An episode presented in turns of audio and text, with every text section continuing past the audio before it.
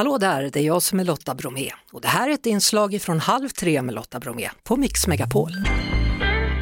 Hörrni, vi har inte så många premiärer. Det fanns en premiär förr i världen, det var den andra onsdagen i augusti. Då var det dags för kräftor. Men vi tänker så här, vi kör kräfttema hela den här veckan. Därför finns nu med mig Kristina Möller, välkommen! Tack så mycket! Filosofie hedersdoktor och medlem av Måltidsakademin etc. etc. Ja du, det blir färre och färre premiärer vad gäller mat. Ja, det är det. Men är det så kul det? Vad tycker du?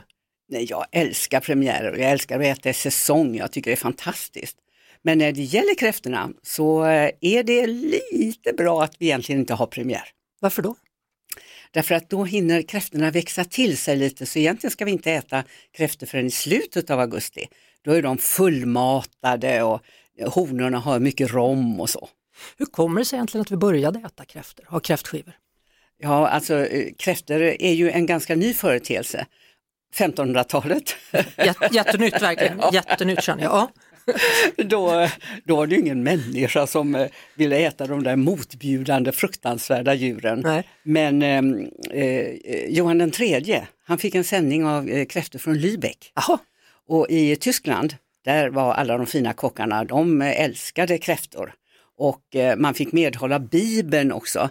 Därför att där skulle man ju inte äta eh, djur med många eh, fötter eller många Nej. ben. Men det var väldigt bra för att man i fastan så fick man äta det. Mm -hmm.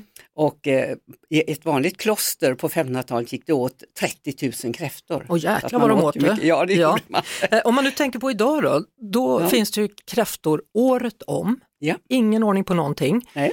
Och så ser man att det är olika kvaliteter, de är från Turkiet, de är från Kina, ibland har man turen att hitta några svenska. Ja. Men allt för sällan färska, eller? Ja, absolut. För det var så att eh, på eh, 1800-talet då fiskade bönderna, de fiskade och sålde och vi var världens största kräftexportörer. Mm -hmm. Men sen på 1800-talet så kom ju eh, kräftpesten och då började vi importera ifrån de länderna du sa och då blev vi plötsligt världens största importör av kräftor. Ja, alltså jag minns när jag var liten, då brukade min morfar åka ut och, och fiska kräftor. Och sen brukade han ta hinken och så gjorde han väl bara för att skrämma oss lite då, oss barnbarn. Så hällde han ut den här hinken på köksbordet som, där det då kröp, som jag minns det, svarta kräftor omkring. Ja, jag ja. kommer ihåg badkar när man hade de kröp runt omkring. Det var ju hemskt. Ja, var de svarta eller var de gröna? De var eller? svarta. Ja, du vet. Men i vilket fall som helst, vad krävs egentligen? Du har redan klätt i dig hatten. Ja. Vad ska man ha för en bra kräftskiva? Eh, jag tycker att man ska ju ha väldigt fina kräftor. Och eh, det finns ju fortfarande stor import har vi ju. Men det är faktiskt så att både Egypten, Spanien, eh, Kina har mindre och mindre Eh, kräftor och det tror man beror på ja, varmt vatten och så vidare. Och sen tycker jag inte att man ska ha kräftor som är fångade i deltan till exempel, där det är mycket industriutsläpp och så vidare. Mm. Och när jag testar kräftor ibland så känner jag, oh, de här smakar klor och de här smakar parfym och det är så mycket konstiga smaker. Det är också så märkligt tycker jag, för att vissa kräftsorter, eller vissa kräftor man får ta del av, de har världens hårdaste skal, medan ja. andra bara är helt saggiga. Ja, precis. Och det har lite med att eh, när det är mjuka skal, då är de unga. Så att man ska vänta lite grann, då får man sådana medelhårda skal som jag tycker de ska ha. Mm. Ska de vara röda förstås och fina och gärna lite stora och fullmatade. Ja, hur tinar man kräftor på bästa sätt då? Ja, jag tycker att man ska tina dem i kylskåpet. Så att man har planerat sin kräftskiva och så tinar man dem i kylskåpet, då blir mm. det bäst. Ska man köpa färska, vågar man göra det eller är det bara att slänga ut pengarna? Ja, jag tycker svenska färska är underbart. Man mm. kan ju ta några stycken stycken att ha kanske som en förrätt eller göra något lite festligt. Hur många hundra spänn tror du ett kilo går på i år? Ja, en 600 kostar det minst. Ja, ja, så att om man köper en krafta då som är fullmatad, det blir 120? Eller? Kanske inte, men, men, det är ju, men det är ju underbart att äta dem en gång tycker mm. jag. Eh, och sen så ska man väl ha sin haklapp?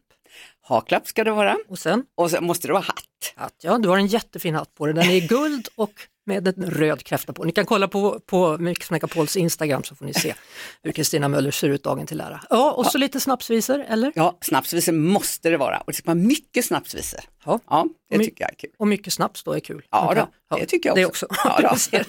Kristina Möller, vi återkommer till dig om några veckor för då är det dags för surströmmingspremiären och det kan du också allt om. Ja, jag Mm. är med i Surströmmingsakademin så det är härligt. Det, då är du varmt välkommen tillbaka och tack för de här tipsen då vad gäller kräftorna. Vi hörs såklart på Mix Megapol varje eftermiddag vid halv tre. Ett poddtips från Podplay. I podden Något Kaiko garanterar östgötarna Brutti och jag, Davva, dig en stor dos skratt. Där följer jag pladask för köttätandet igen. Man är lite som en jävla vampyr. Man har fått lite blodsmak och då måste man ha mer.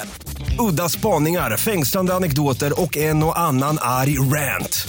Jag måste ha mitt kaffe på morgonen för annars är jag ingen trevlig människa. Då är du ingen trevlig människa, punkt. Något Kaiko, hör du på Podplay. Därför är gardinerna.